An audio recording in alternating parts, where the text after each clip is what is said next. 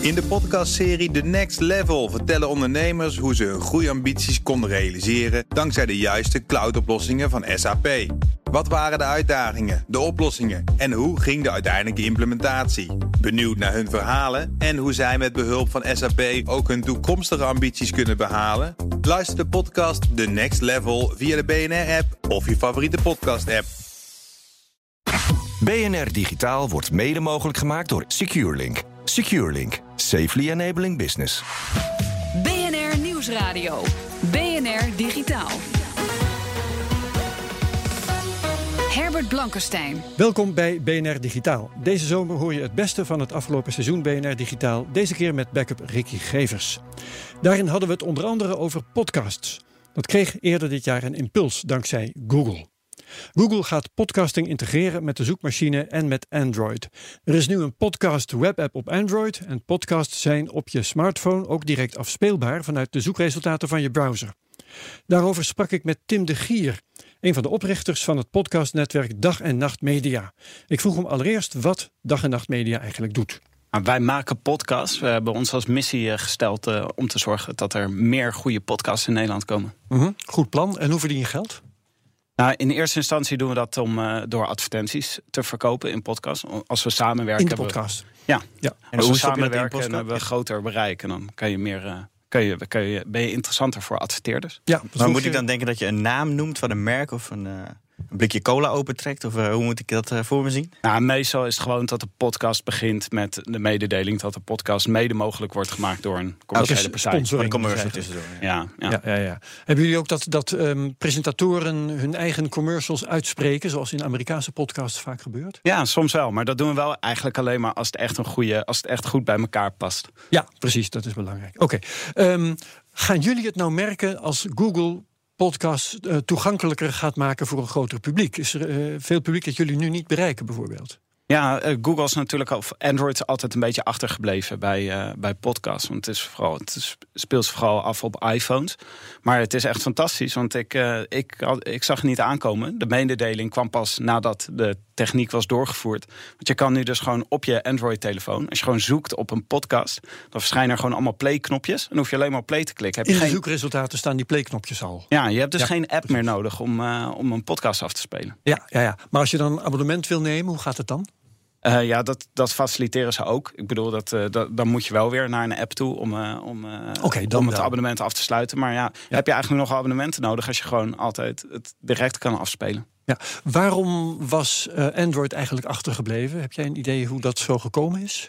Ah, dat iTunes heeft, was dominant. Ja, dat heeft denk ik wel een beetje te maken met hoe het ooit begonnen is. Want het, is, het, het was ooit audiovloggen. Uh, en uh, dat was gewoon uh, hetzelfde manier zoals je vroeger, ja, in me, of nog steeds met blogs, het nieuwste berichtje bovenaan kwam. Dacht iemand, wat nou als het nieuwste audiofragmentje steeds bovenaan verschijnt, opnieuw verschijnt. Ja. En het, zo, zo is, zou zijn podcast ooit begonnen. Maar toen heeft iemand bedacht dat de handigste manier om daarnaar te luisteren was via je iPod. Dus toen werd het een techniek die vooral uh, voor de iPod bedoeld was. En daar, vandaar het woord podcast. Ja. En het heeft zich altijd afgespeeld in de infrastructuur van Natuurlijk. Apple eigenlijk. Heeft Apple het gepusht eigenlijk? Ja, op een gegeven moment wel. Maar dat duurde wel, dat duurde wel een tijdje voordat ze... Op een gegeven moment gingen ze het via iTunes uh, pushen. Okay. Maar het is dus wel echt door de gebruikers ontstaan eigenlijk? Ja, ja het is echt een techniek die, uh, die door gebruikers ontwikkeld is. In de Ricky Gevers, mijn backup. Uh, ben jij een fanatieke podcastluisteraar? Nee, totaal niet eigenlijk. Aha. Zelden luister ik een podcast. Eigenlijk alleen als heel veel mensen over een bepaalde podcast praten. Dan ga ik hem eventjes terugluisteren en, en downloaden vaak. Uh, dus ik ben heel benieuwd. Maar ik merk wel echt in mijn omgeving vooral... dat je steeds meer mensen uh, hebt die erover praten gewoon. Dus het, leeft, het idee leeft zeker wel. En ik kan ja. me ook heel goed voorstellen hoor, als je in de trein zit of in de auto, dat je even iets opzet waar je echt nog interesse in hebt, zodat je het even goed kan luisteren. Een beetje als een documentaire luisteren, maar dan onder het autorijden bijvoorbeeld. Ja, ja, ja zeker. Nou, Tim, je kunt nog een zieltje winnen straks uh, ja. aan, uh, na de uitzending. Um, bij podcast was vaak een probleem statistieken krijgen over je eigen podcast. Hè? Hoeveel mensen hebben geluisterd, hoe lang, waar zijn ze afgehaakt en dat soort dingen. Ja. Uh, de middelen daarvoor beginnen nu te komen. Weet jij hoe dat zo ontstaan is, dat, uh, dat uh, die technieken nu pas eigenlijk ontwikkeld worden? Nou, er is niet echt een centrale plek waar mensen naar podcast luisteren. Dat is natuurlijk ook een beetje het probleem. Dat Je zei net uit, al, ja. voornamelijk eh, via Apple in iTunes. Maar er zijn ook andere plekken. Je kan ook in Spotify een podcast luisteren. Precies, ja. Dus omdat er geen centrale plek is, zijn ook die, eh, die data over, eh, over wie er precies luisteren, zijn heel erg versplinterd. Hoe, hoe doe ik dat eigenlijk? Waar zet ik mijn podcast neer? Stel dat ik er nu eentje gemaakt heb. Hoe, hoe krijg ik dat aan de man? Nou, iTunes is wel echt de centrale bibliotheek hoor, van podcasts. Maar dan zit je weer aan Apple vast. eh. Ja. En ik moet het dus uploaden bij iTunes dan. Ja, je moet, wat, je, wat je nodig hebt is eh, de. Ja, het, wordt een beetje technisch, maar je hebt de RSS-technologie, waardoor waarmee je eh, altijd kan zorgen dat het nieuwste bericht bovenaan staat. Ja, wat je net over dat is vertelde. eh, uit bloggen afkomstig. Ja, uit Ja. het blog afkomstig. En die geef je aan platforms om te zorgen dat ze de nieuwste afleveringen tonen. Dus die geef je aan iTunes en aan Spotify. Oké, en op die manier komt het in de iStore terecht. En dan kan iemand het eventueel vinden. Ja, maar dit probleem, dit is dus wat Google probeert op te lossen. Want dit is gewoon, het is best wel moeilijk doordat het zo overal, die podcasts overal staan. En Google zegt gewoon, ja, iedereen googelt op die podcast, gebruikt onze zoekmachine. En als je in één keer vanuit de zoekmachine kan afspelen, zonder dat je afhankelijk bent van al die platforms, dan los je wel een probleem op Ja. voor luisteraars. Nou, ben jij ook een platform? Ga jij er ook, en je zegt net goed dat Google dat gaat stimuleren, maar ga jij er ook last van krijgen? Als, eh, misschien neemt Google straks jouw rol wel over. Nee, maar Google is helemaal niet onze concurrent. Want Google is juist degene die podcast voor ons verspreidt. Wij maken de podcast. En hoe meer partijen die podcast verspreiden, hoe beter het is voor ons. Ja, Ja. En je reclame zit embedded in je podcast verder. Dus jij bent degene die erop verdient uiteindelijk. Ja. Niet Google. Nou, een van de problemen wa- waar, je net, waar we net over hadden, die dataverzameling is een van de problemen. Wat wij gedaan hebben, wij werken met een Silicon Valley bedrijf samen, dat heet Art19. En die zorgt ervoor dat daar zetten we onze podcast op en die verspreidt naar al die verschillende netwerken. En daar komt Google zometeen gewoon weer bij. Eh, Oké, en dat, ja. daar zit Spotify bij, en er zit iTunes bij, en er zit Stitcher. En een, een heleboel mensen gebruiken Stitcher of Podcast Addict, zijn er een heleboel. We hadden het net over verdienmodellen. Eh, je zegt eh, advertenties en sponsoring en zo. Eh, Google gaat ook een doneerknop aanbieden. Ik weet dat veel Amerikaanse podcasts die, die worden gesteund door fans via Patreon. Mhm. Zie jij voor Nederland dat als een goed model eigenlijk? Of zijn we te klein? Nou, ik vind het eigenlijk wel aantrekkelijk dat je aan luisteraars. Wij bekijken het allemaal vanuit de luisteraar. Wij denken, nou, volgens mij is het wel aantrekkelijk als je zegt. je kan naar een podcast luisteren met een reclame erin. Of je kan een abonnement nemen en dan kan je naar de podcast luisteren zonder de reclame. Ja. Want eh, dat is ook, eh, we, we hadden net al even over Facebook. Dat is ook een van de problemen van Facebook. Je kan niet gewoon aan Facebook betalen en dat ze dan Om niks meer met je data af te zijn. Ja, ja, ja. Ja, en dat zou je met podcast wel kunnen doen. Zou je ook gewoon kunnen zeggen: we tracken je niet, eh, we, ze- we zetten er geen reclame in. Als je ons gewoon een klein bedrag Ja. betaalt. Ja, talen zijn een beetje een probleem. Er zijn podcasts in allerlei talen. Google kondigt aan dat ze podcasts vol automatisch willen gaan transcriberen en zelfs vertalen. Ik begreep zelfs, ik weet niet of ik het goed heb begrepen, met behoud van stemmen. Hmm. Ehm, maar in ieder geval zi- zit jij daar als betrokkenen bij podcasting op te wachten dat ehm, een machine, want daar gaat het dan neerkomen, aan de, aan, aan de taal in je podcast gaat komen. Ja, zeker. Dat, eh, dat vinden wij heel erg Daar zit je op te wachten. Ja, zeker. Oké, ja. ten eerste, omdat je dan eh, podcast kan doorzoeken. Want het zou verminkt kunnen raken. hè. Sommige websites via Google Translate, dat wordt he- heel vreemd. Ja, dat is ook ja, dat, dat is een van de grootste problemen met het transcriberen van podcasts. Is dat je Ja. allemaal van die halve zinnen krijgt. Ook als je dit gesprek zou uitschrijven, dan zou je ook niks. allemaal halve zinnen krijgen. Alleen de prachtige volzinnen van mij natuurlijk. Maar, de, nee, maar eh, Ja, ja. dat, Nee, maar dat dit is wel een van de toch, hè, inhoudelijk. Ja. Ja. Ja, dat is, wel, dat is wel een risico dat gewoon lelijke tekst uitkomt. Ja. Maar het zou wel handig zijn als je gewoon podcast kan, eh, kan doorzoeken. Eh, en het zou handig zijn, wat wij heel graag willen, is ook af en toe een filmpje maken van podcast. Zodat je die makkelijk op eh, Facebook en YouTube kan zetten. Ja. Waarin je dan gewoon de tekst als ondertiteling ziet. Want er zijn natuurlijk heel veel mensen die op hun telefoon zitten en geen geluid hebben. En dan toch willen kijken wat voor podcast dat is. Oké, per saldo jij dus blij met eh, Google in podcasting. Oh ja, ontzettend blij. Oké. Dat was Tim de Gier van Dag en Nacht Media. BNR Nieuwsradio. BNR Digitaal. Racen, is dat makkelijker in een videogame of op het circuit? Jason Venske van YouTube-kanaal Engineering Explained... die kreeg de kans om allebei te doen. En redacteur Ivan Verrips bekeek zijn filmpje. There's the start of the race. Ooh, crashing in the back of the car. That is, uh, just so you know, pro tip. If you hit the back of a car, uh, you can actually slow your vehicle down a bit more than just using the brakes alone. Pro tip there. We beginnen met de videogame Project Cars 2. Dat wordt gespeeld op een simulator op de Sonoma Raceway in Californië. Venske rijdt hier in een McLaren 570S. dat is in die videogame dus. And let me just preface this by saying, you know, I uh, I don't play any video games. Uh, the last time I played a video game was probably a year ago. I'm hardly ever doing anything like this. Uh, passing a few cars. I believe it was on just like the standard normal settings. You know, you don't have all the driver aids, but you have uh, some forgiveness in the system. Venske weet dus wel een en ander van auto's. Daar gaat zijn YouTube-kanaal immers over. Maar niet van games. Coming up on the end of our lap, which is the pit entry. And there we have it, 127 uh, for my gaming time. So a minute 27 seconds. Goed, weg bij de simulator. De weg op. In een echte McLaren 570S zal de rondetijd van 1 minuut 27 gehaald worden. Okay, so now we are viewing my lap in the McLaren 570S. And, and you know, something worth mentioning here in the McLaren, so they didn't let us put it in track mode or turn off any of the, the uh, traction control. And yes, I'm already making excuses. It was a pretty sensitive traction control system. As awesome as the McLaren 570S is, uh, I do want to say that in sport mode, with all the traction control aids on, uh, it's, it's pretty intrusive and it's not going to let you get crazy all. Ja, ja, oké, genoeg ingedekt. Is dat rondje nou al gereden? Coming down to the end of this lap here.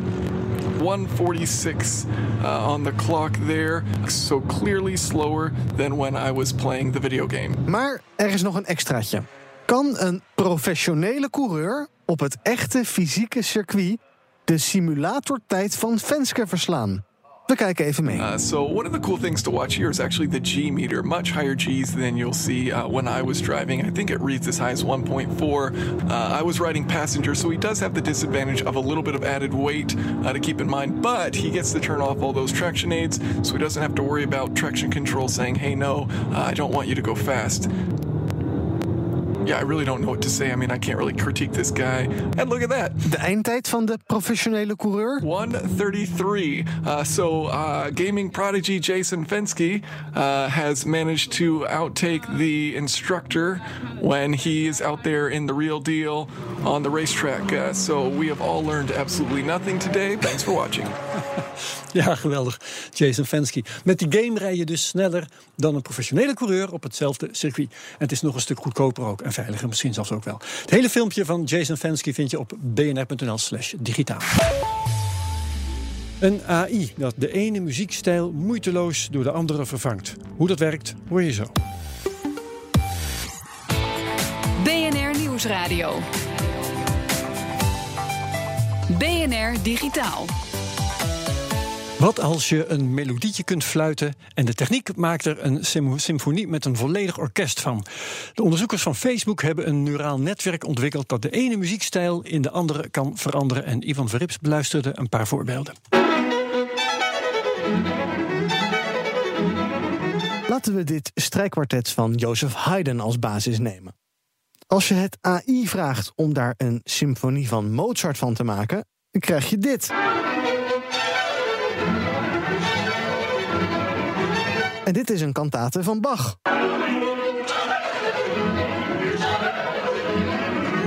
En hier op de piano in de stijl van Beethoven.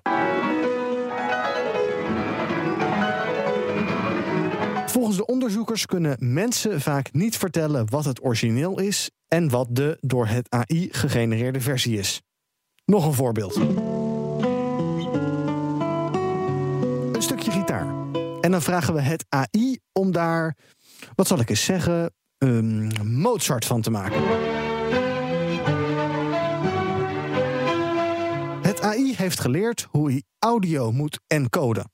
En we hebben in het verleden veel AI met audio gezien, maar meestal leverde dat kwalitatief gezien vrij weinig op. En gelukkig, ook dit AI is nog niet perfect.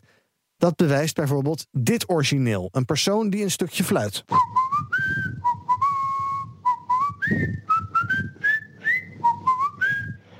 Als we daar vervolgens een orgelstuk van Bach van maken. Moi.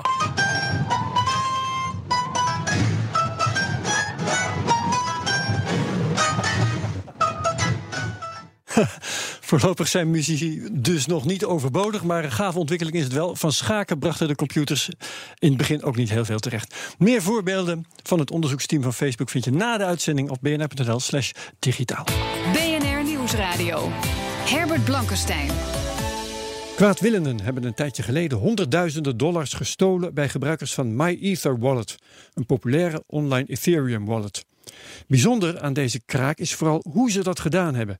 Niet door malware of phishing, maar door de basisinfrastructuur van het internet, zoals het vaak wordt genoemd, te manipuleren. Het draait allemaal om DNS, Domain Name System en BGP, Border Gateway Protocol. Erik Bijs, oprichter van de zakelijke internet service provider A2B Internet, legt uit wat die afkortingen inhouden. DNS is vrij makkelijk uit te leggen. Dat kun je vergelijken met het uh, telefoonboek uh, op het internet, waar je dus ja. de naam uh, van een website kan bnr.nl. bnr.nl en dan krijg je daar een IP-adres eruit terug. En BGP is het protocol wat tussen de routers van verschillende ISP's draait.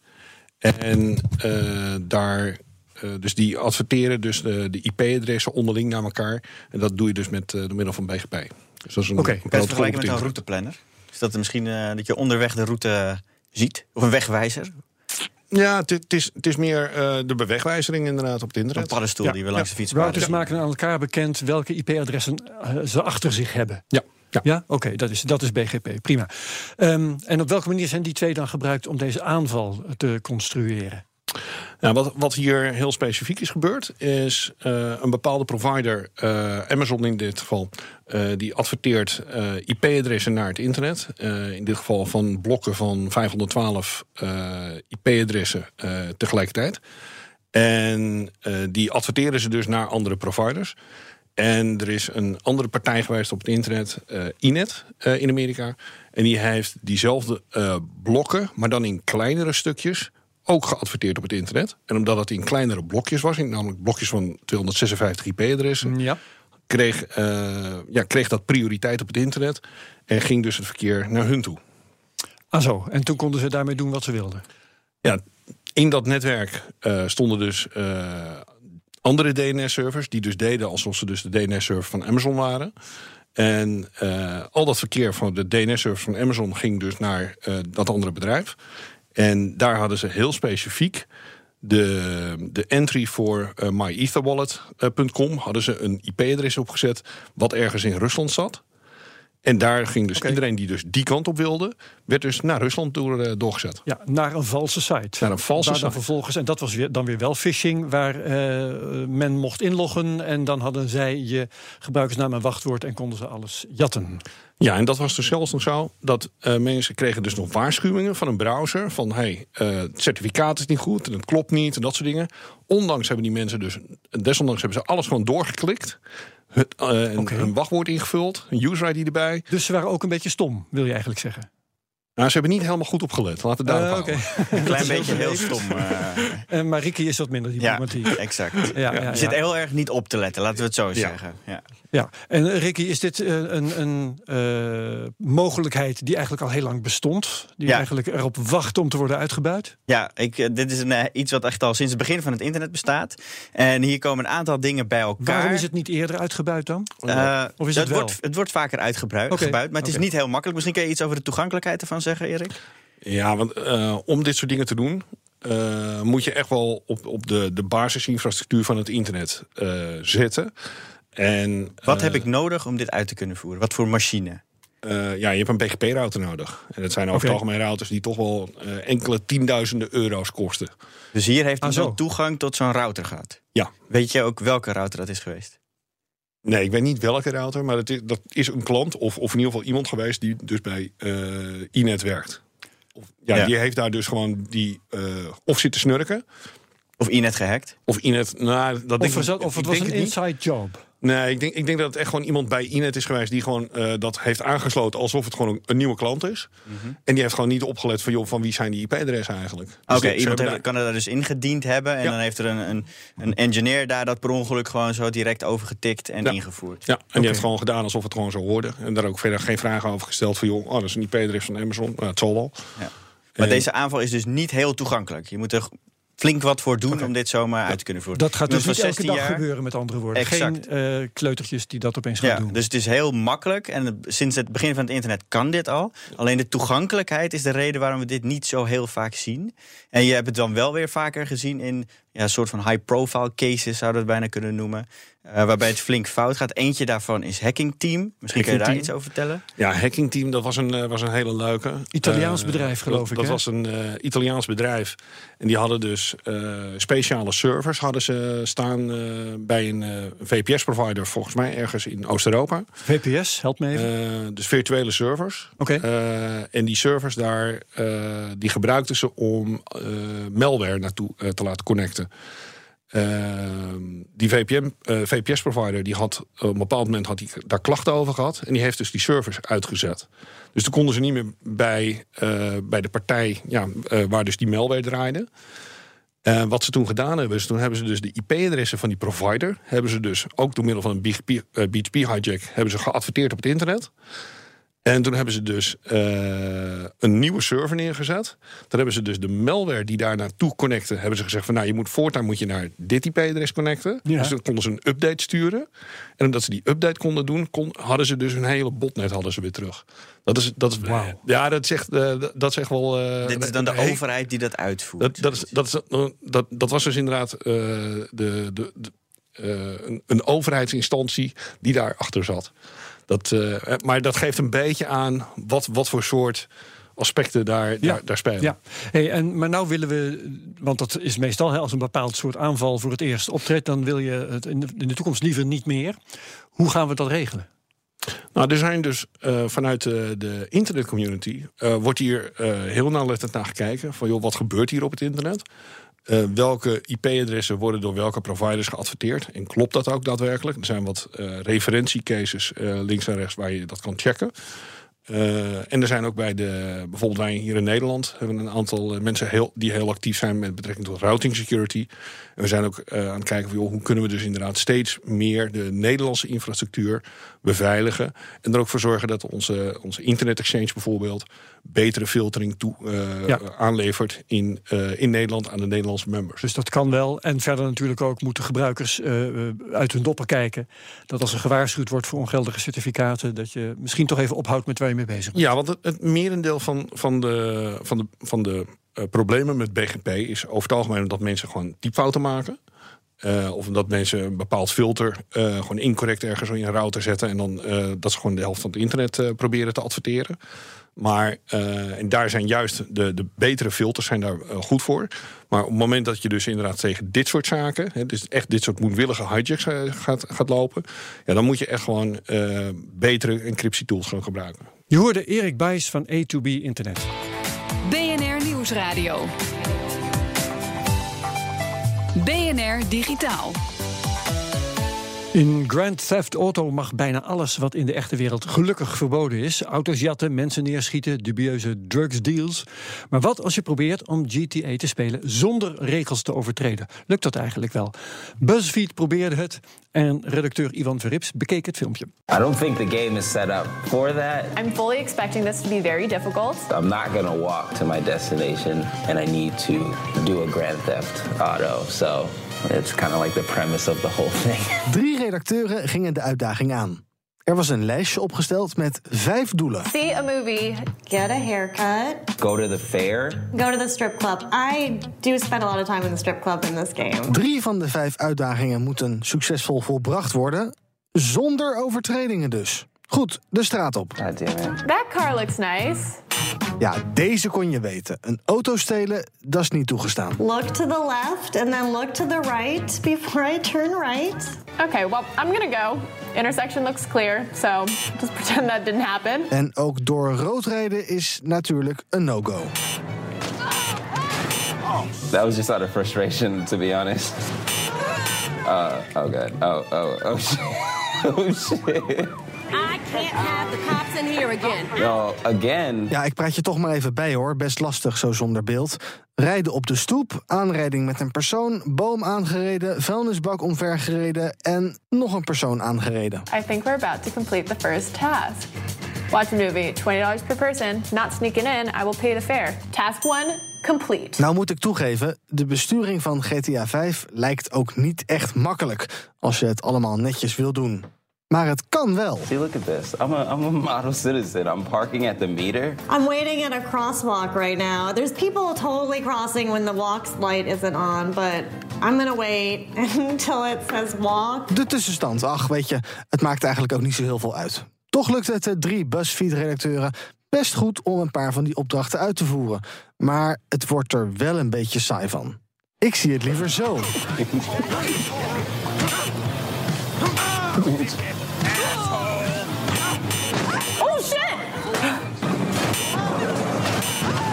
Okay, this turning radius is like even worse than the other one. Goed, de uitslag. Ach, nee, ja, ja, trouwens, joh. Ach, die maakt eigenlijk ook niet zoveel uit. I mean, it's it's just a frustrating game, and it really makes you want to break the rules. Like the lights took forever. Like, why would you play this game that way? Why? It's so fun to hit people and to punch people and start fights with people. Like, I think you should just play Grand Theft Auto stealing cars and punching people.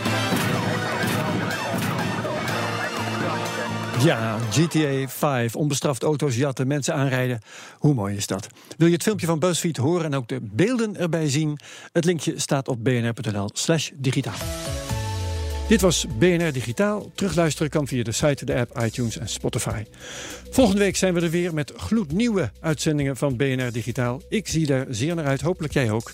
En dus heel graag tot dan. BNR Digitaal wordt mede mogelijk gemaakt door SecureLink. SecureLink. Safely enabling business. In de podcastserie The Next Level vertellen ondernemers hoe ze hun groeiambities konden realiseren dankzij de juiste cloudoplossingen van SAP. Wat waren de uitdagingen, de oplossingen en hoe ging de uiteindelijke implementatie? Benieuwd naar hun verhalen en hoe zij met behulp van SAP ook hun toekomstige ambities kunnen behalen? Luister de podcast The Next Level via de BNR-app of je favoriete podcast-app.